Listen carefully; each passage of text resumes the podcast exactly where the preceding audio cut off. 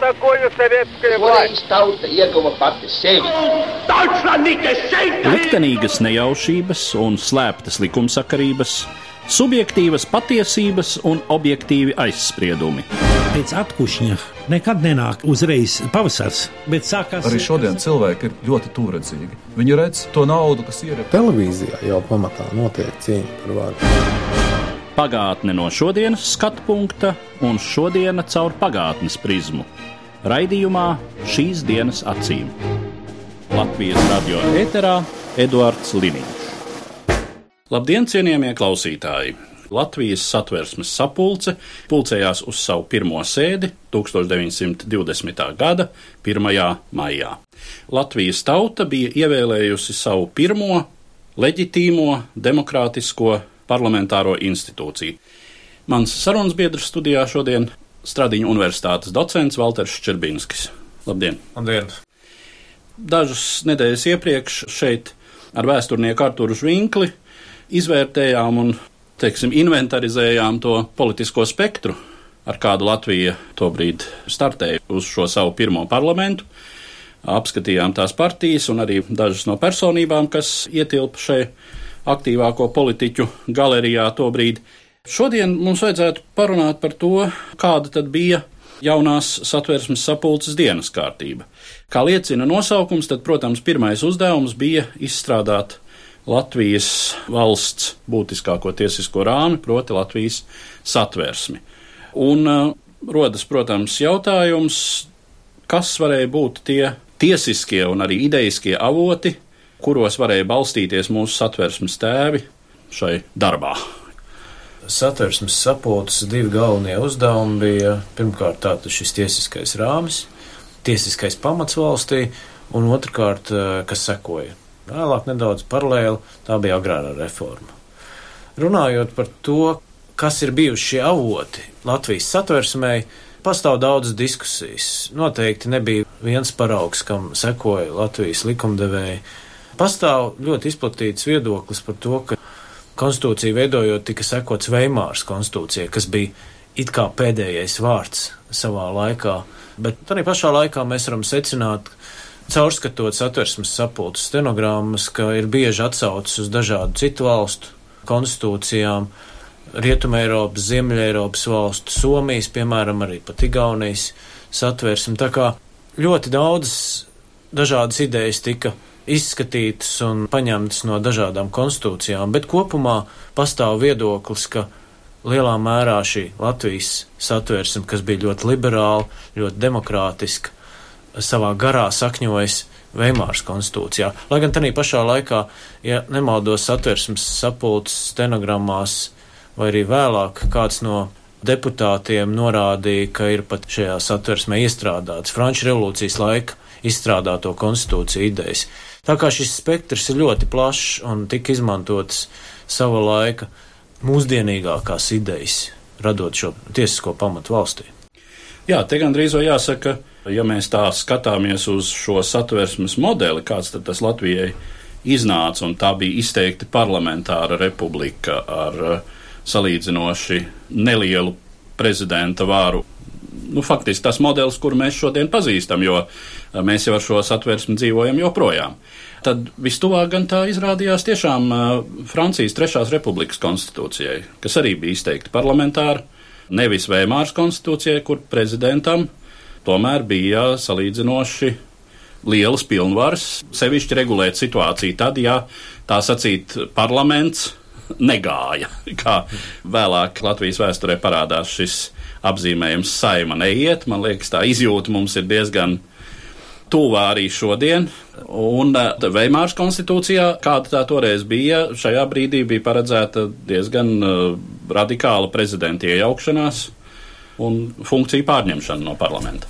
Jā, satversmes pirmā daļa, kas skaidroja šos valsts uzbūves pamatprincipus, tapa lielās diskusijās, protams, un šajās diskusijās izkristalizējās divi lieli nozīmīgi viedokļi.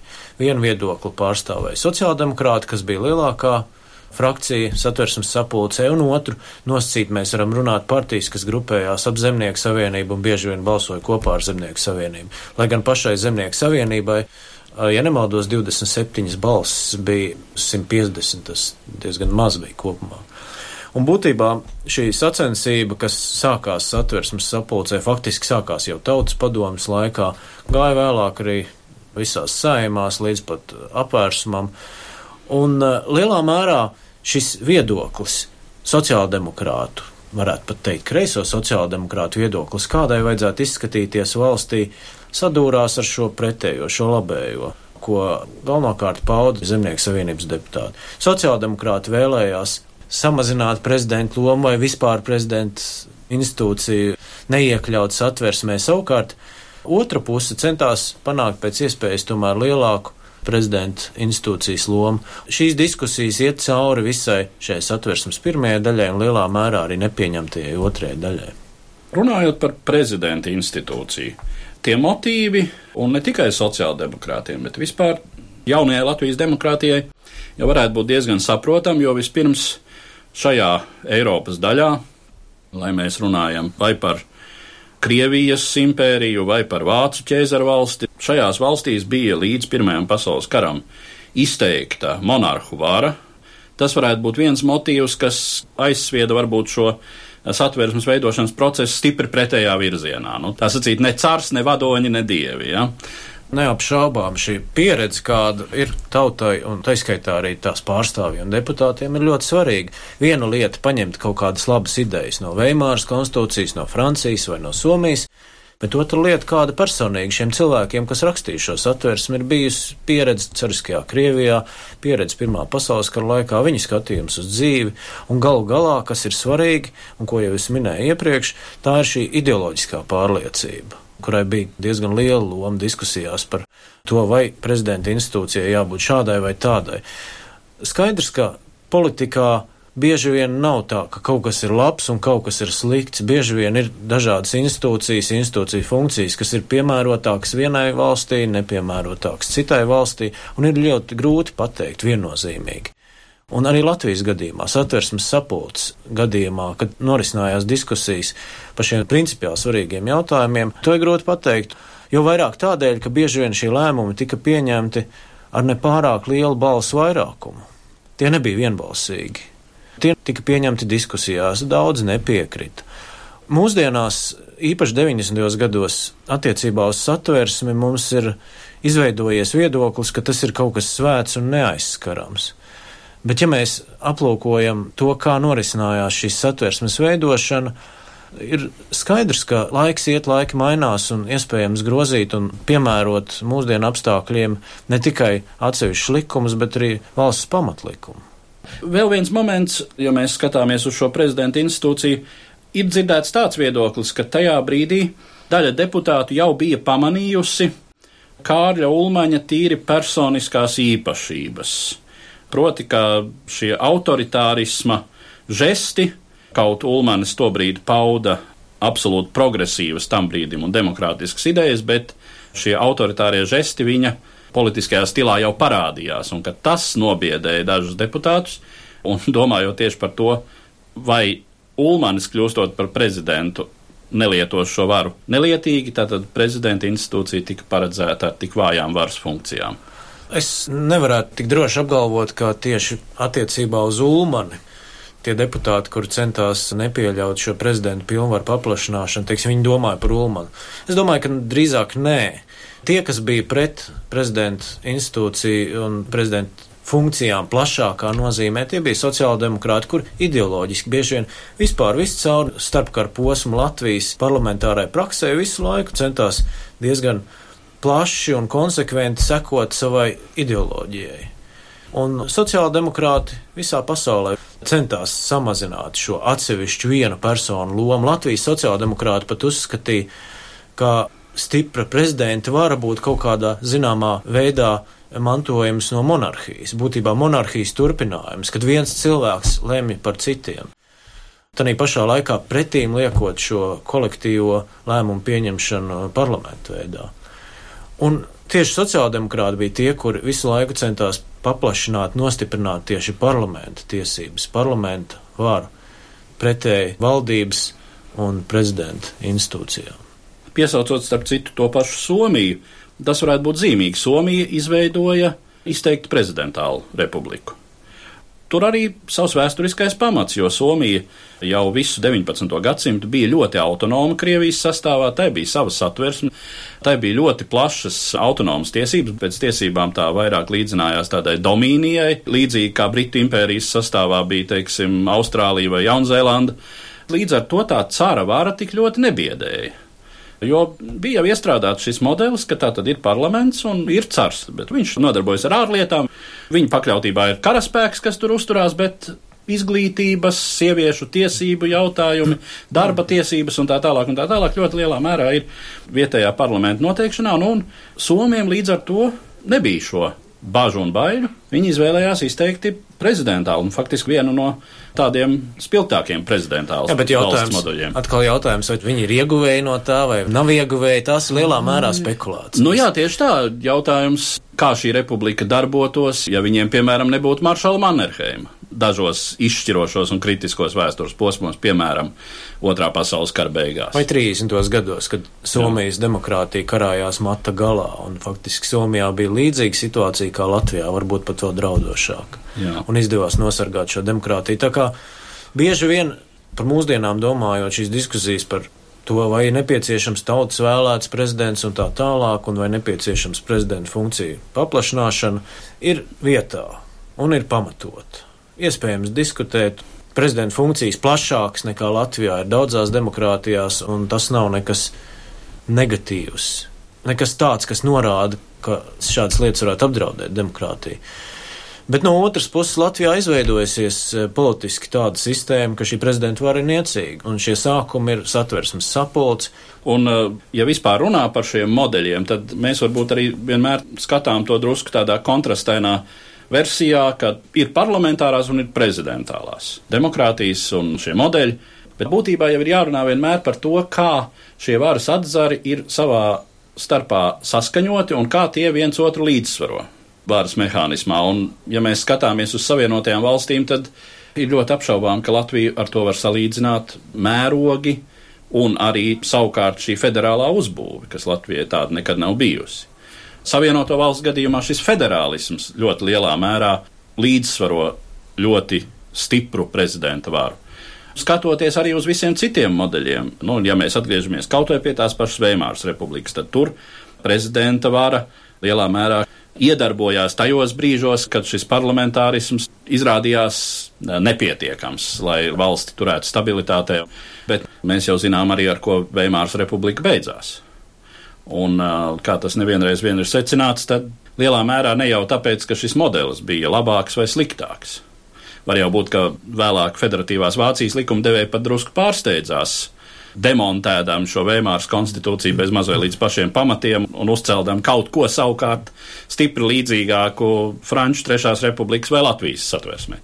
Varbūt, ka pietiktu vienkārši tiešām sadalīt Vāciju loģiskāk federālajos apgabalos, nekā tas bija pirms Vēmāras republikas sabrukuma.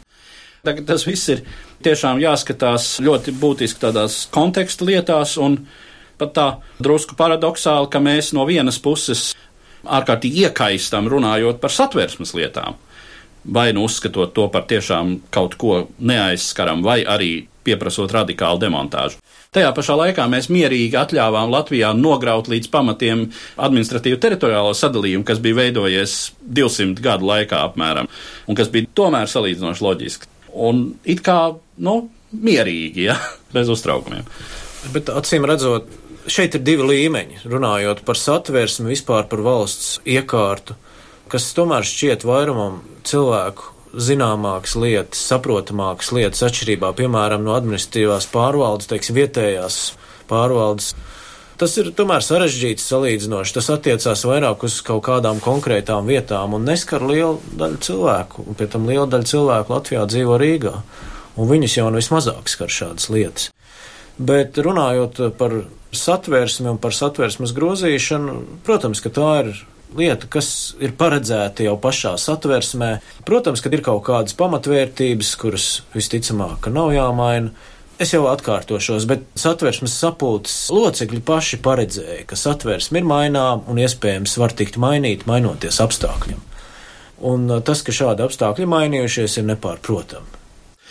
Vēl viens moments, kas arī ir pieminams satversmes sakarā, ir šie tiešās demokrātijas elementi, kas sevišķi jau toreiz Eiropā nebūtu nebija tik izplatīti. Es konkrēti runāju par referendumu praksi, kas satversmē ir paredzēta, un um, tobrīd izteikti izkopta bija faktiski tikai vienā Eiropas valstī, un tā bija Šveica. Un Šveicē savukārt bija dzīvojuši liela daļa latviešu politisko trimdnieku, kurš Nu jā, tur, tur bija bija. redzējuši darbībā, pārliecinājušies par zināmu referendumu lietderību. Jā, nu šī ir Latvijas demokrātijai tobrīd īpatnēja un faktiski arī līdz šim laikam tāds īpatnējs elements, un te varbūt ir jautājums par to, vai atbild uz daudziem jautājumiem tiešām nesniedz uh, tālāk šī principa attīstīšana. Līdzšinējā pieredze ne tikai līdz 34. gadam, bet arī samērā nesenā pagātnē liecina par to, ka referendumi no vienas puses var tikt izmantot kā kolektīvu politisku viedokļu paušana, bet arī pašā laikā neviens referendums Latvijas vēsturē nav bijis sekmīgs.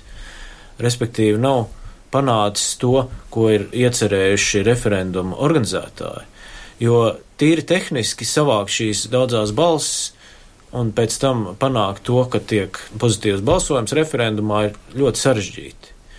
Un pat 30. gados, kad 30. gada sākumā saimnieciskās krīzes laikā sociāldemokrāti organizēja referendumu par sociālajiem jautājumiem, kas bija ļoti aktuāli tā laika sabiedrībā, pat tad viņi negūs šo atbalstu. Pagaidiet, kā bija referendums par Latviju energo privatizāciju? Tas, Ir jāsāk domāt, tas, vai- tas vissekmīgākais referendums bija par pilsonības jautājumiem, kad uh, salīdzinoši nedaudz balsu pietrūku, lai šis ierosinājums tiktu apstiprināts, respektīvi grozījumu apturēt. Bet arī pašā laikā es domāju, ka tas ir pozitīvi, ja pastāv šāda iespēja, tā ir vēl viena iespēja, kā tautai paust savu viedokli. Ir, protams, ka jautājumi, kas jāizskata saskaņā ar satversmi, teiksim, iespējams iegūt šo viedokli referendumu ceļā. Bet no otras puses ir jautājumi īpaši mūsdienās, kas prasa ļoti ātru reaģēšanu. Es īsti nepiekrītu, ka šādiem jautājumiem būtu jābūt dienas kārtībā sabiedrības izlemšanai, jo tomēr ir īpaši saistībā ar tautsaimniecību jautājumi, kas prasa ļoti kompetentu viedokli. Un uh, vai šis tautas viedoklis būs tas kompetentākais un labākais? Es neesmu drošs, tādēļ es esmu arī pret tautas vēlētu prezidentu. No vienas puses, tas, protams, būtu demokrātiski vaicāt tautai, ko tātad mēs gribam par savu valsts vadītāju, kuram ir plašs pilnvars, bet no otras puses, kāds varētu būt šis rezultāts. Es esmu savulaik daudz ar kolēģiem runājis par šo jautājumu, un tas secinājums ir diezgan vienprātīgs, ka īsti nav pārliecība, ka tas labākais rezultāts būtu tomēr, ja vēlētu tauta. Tam arī var piekrist. Jāatceras, ka dažas personības ir guvušas Latvijas politikā gan uz nepārāk ilgu laiku, bet ļoti ievērojamu lomu, teiksim, pērkot eh, balsis, rūpīgi runājot ar banāniem.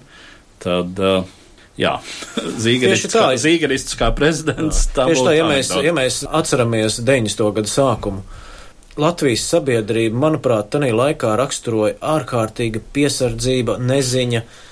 Tanī laikā, kad vajadzēja radikālas reformas veikt sabiedrībā, valsts pārvaldē, šīs reformas netika veiktas. Cilvēki tomēr uzskatīja, ka labāk ievēlēsim šos vairāk vai mazāk zināmos bijušās okupētās Latvijas darbiniekus. Mēs viņus vairāk vai mazāk zinām, viņi ir pietiekami mēreni, viņus ievēlēja, viņi tā tad īstenoja šo valsts veidošanas sākuma posmā, tātad piedalījās šo visu institūciju veidošanā. Liela daļa no ierēģiem turpināja darbu vēl 90. gados, un tāpēc mums nevajadzētu brīnīties, ka atšķirībā, piemēram, no Igaunijas, kur notika daudzās jomās ļoti radikālas reformas, nomainījās personāla sastāvs, tika ieviesas dažādas progresīvas lietas. Latvijā daudz kas ir palicis iepakaļ. Bet mēs jau sākam aiziet prom no satversmes sapulces jautājumiem. Nu, tas visnotaļ loģiski, jo tas arī varbūt ir Latvijas vēstures tāds būtisks paradoks, ka ar tiem pašiem jautājumiem lielā mērā mēs nodarbojamies joprojām. Jo jau apmēram 11 gadus pēc uh, satversmes pieņemšanas daudziem bija pārliecība, ka tā ir nepareizi, ka neiet, ka ir jāmaina. Bija šis viedoklis jau 30. gadu sākumā par būtisku reformu nepieciešamību, Un droši vien, ka šīs reformas arī notiktu, ja Ulmans nepasteigtos, tā sacīt, pievākt varu uz kādu laiku sev. Par nopietniem mēģinājumiem reformēt satversmi īsti mēs nevaram runāt, jo nav nekāda pierādījuma. Teiksim, šis satversmes grozījuma projekts faktiski bija drīzāk sāņu manevrs, lai novērstu uzmanību no gatavojumā apvērsuma. Ja mēs runājam šeit par 33. gada rudenī Jā. iesniegtiem priekšlikumiem grozīt satversmi, saimā šie priekšlikumi tika iesniegti un tos iesniedz Zemnieku savienība, bet uh, citādāk ir grūti runāt par konkrētiem mēģinājumiem grozīt šo satversmi līdz 34. gadam. Skaidrs, ka 90. gados šādas idejas ik pa laikam ir bijušas, un, manuprāt, šīs diskusijas ir ļoti normālas, un ir labi, ka šādas diskusijas notiek. Cita lieta, ka tas lēmums skaidrs, ka būs jāpieņem saimai. Un tātad pirmkārt, protams, mums jādomā par to, ko un kā mēs vēlam saimā. Runājot par personībām, nu, Tad ir vēl viens tāds moments visā šai satversmes sapulces darbības sākuma posmā, kā satversmes sapulces prezidenta vēlēšanas. Un tur it kā sociāldemokrātiem, kā lielākajai frakcijai, bija pretenzijas uz savu kandidātu, kas bija ne vairāk, ne mazāk kā dzinieks, dramaturgs, domātājs Rainis. Bet, kas attiecas uz Raini, tad viņš nu pat, nu pat bija atgriezies no Šveices trimdas kur bija dzīvojis diezgan lielā izolācijā. Pat varētu teikt, pašizolācijā, jo radoši viņam tas ļoti nāca par labu, bet to īsti nevar teikt par viņa politisko kapitālu, kas tādā veidā sevišķi nevairojās. Bet no autoritāte Rainim nenoliedzami bija. Otrs pretendents Jānis Čakste, cilvēks ar arī nenoliedzamu autoritāti, un galu galā Čakste izrādījās vairumam satversmes sapulces pieņemamāks pretendents. Kaut, kā zināms, Zemnieku savienībai, no kuras čakste tika izvirzīts šim amatam, patiešām bija ap sesto daļu balsu tikai. Šis personāla jautājums neapšaubām ir raksturīgs valstī izveidojoties no jauna vai atjaunojot savu neatkarību, tiek ievēlēti parlamenti, kurā bieži vien nonāk cilvēki, kuriem normālos apstākļos tur nevajadzētu nonākt. Tā tas bija satversmes sapulcē. Protams, tur liela daļa bija politiķi, pie tam dažs labs bija tādai jaunai valstī kā Latvijai salīdzinoši lielu politisko bagāžu. Tie bija sociāldemokrāti, labējo partiju politiķi, kur jau piektā gadā bija darbojušies politikā, bet tur bija arī lielā mērā gadījumi cilvēki, lauksaimnieki vai kādi citi darbinieki no laukiem. Viņi tur sēdēja satversmes sapulcē, nereiz neuzstājās, beidzās satversmes sapulce, un neviens par viņiem vairāk neko nezina. Viņi pilnīgi bija pazuduši no politiskās, no vispār no kaut kādas publiskās sfēras un turpināja rušināt savus laukus. Godprātīgi vai mazāk godprātīgi darbojās kaut kur vietējā līmenī, bet uh, tie bija lielā mērā gadījumi cilvēki. Otrs, protams, aspekts ir saistīts ar šiem pazīstamiem cilvēkiem. Un šie pazīstamie cilvēki, gluži kā mūsdienās, jāsaka gan, ka pēdējo saimnu vēlēšanās populāro, atpazīstamo sabiedrībā cilvēku īpatsvars ir mazāks, bet sākumā daudz bija dziedātāji, aktieri, man nav jāsauc uzvārdi, un tas pats bija arī satversmes sapulces vēlēšanās. Aspazīja, piedodiet, no Aspazīja nav politiķi. Viņi ir liela dzēnieci, tur nevienam nav šaubu. Aspazīja, nu, arī, arī jāsaka, brīvību mīloša persona. Arī brīvību mīloša persona, protams, nu, tas šajā gadījumā nebūtu pretrunā ar politiķu darbību, bet tādā pašā laikā šiem cilvēkiem nebija ne pieredzes, ne, es gribētu uzsvērt, arī zināšanu. Diskusijās par juridiskiem jautājumiem, par konstitūcijām es varu iedomāties, kā Aspaze jutās šajās sēdēs, satversmes sapulcē. Un rezultātā 20. gados, 30. gadu sākumā izkristalizējās optimālā politiķa biogrāfija. Tas bija vai nu tautsājumnieks, vai nu jurists. Un, protams, ka Latvijā nevar izgudrot un nav vajadzīgs arī izgudrot riteni lielā mērā politiķi pasaulē ir ar tiesībnieku vai tautsēmnieku izglītību, vai arī mūsdienās arī ar politologu izglītību. Cilvēki, kuriem ir atbilstoša izglītība, prasmes un kuri var arī atļauties doties politikā, jo arī ne katrs varēja 20. gados iesaistīties politikā, riskējot zaudēt savu darbu valsts pārvaldē. Un atgriežoties pie personāla jautājuma, no laikam jau tomēr jāsaka, ka Čakstes izvirzīšana un ievēlēšana par satversmes sapulces priekšsēdētāju ir vērtējama vairāk kā veiksme šai gadījumā Latvijas demokrātijai. Katrā ziņā, ja mēs iedomājamies, kā būtu, ja tas būtu Rainis, kas to zina? acīm redzot, acīm redzot tā jāvērtē, lai gan, protams, arī čaksti mēs nevaram pārvērtēt. Čakstam bija pirms viņa straujās politiskās karjeras sākšanās liela pieredze sabiedriskā darbībā. Viņš bija advokāts Jālgavā un visnotaļ pazīstams cilvēks. Bet kļūstot par valsts prezidentu, Čakste atstāja ļoti labas atmiņas sabiedrībā, bet arī pašā laikā pāanalizējot viņa darbību, tur, kur viņš varēja darboties, respektīvi ārpolitiskajā jomā, viņš diezko aktīvs nebija. Bet arī pārējie Latvijas valsts prezidenti pēc Čaksas nebija diezko aktīvi šajā jomā. Šī joma, kur faktiski, kas deva vislielākās iespējas valsts prezidentam veikt savus pienākumus. Bet uh, neapšaubām, ja salīdzinām Čakstu un Raini, tad no šodienas viedokļa, no racionāla valsts interešu viedokļa, acīm redzot, Čakstas izvēle bija tā pareizā. Lai gan no otras puses, protams, ka tas bija ļoti sarežģīts lēmums sociāldemokrātiem un ļoti emocionāls lēmums, jo visi dižgari mākslinieki ir ļoti emocionāli cilvēki, un tāds bija arī mūsu lielais dzēnieks. Ir saglabājušās daudzas atmiņas par to, ka Rainis ir ļoti negatīvi uztvērs šo sociāldemokrātu rīcību, bet arī pašā laikā, acīm redzot, valsts kā tāda ir neapšaubām iegūs vairāk ar čakstas izvēli. Ja mēs tuvinām mūsu sarunu noslēgumam un kaut kādam secinājumam, kā mums šodien varbūt vērtēt un raudzīties, protams, tā Latvijas situācija nav normāla valsts attīstības situācija.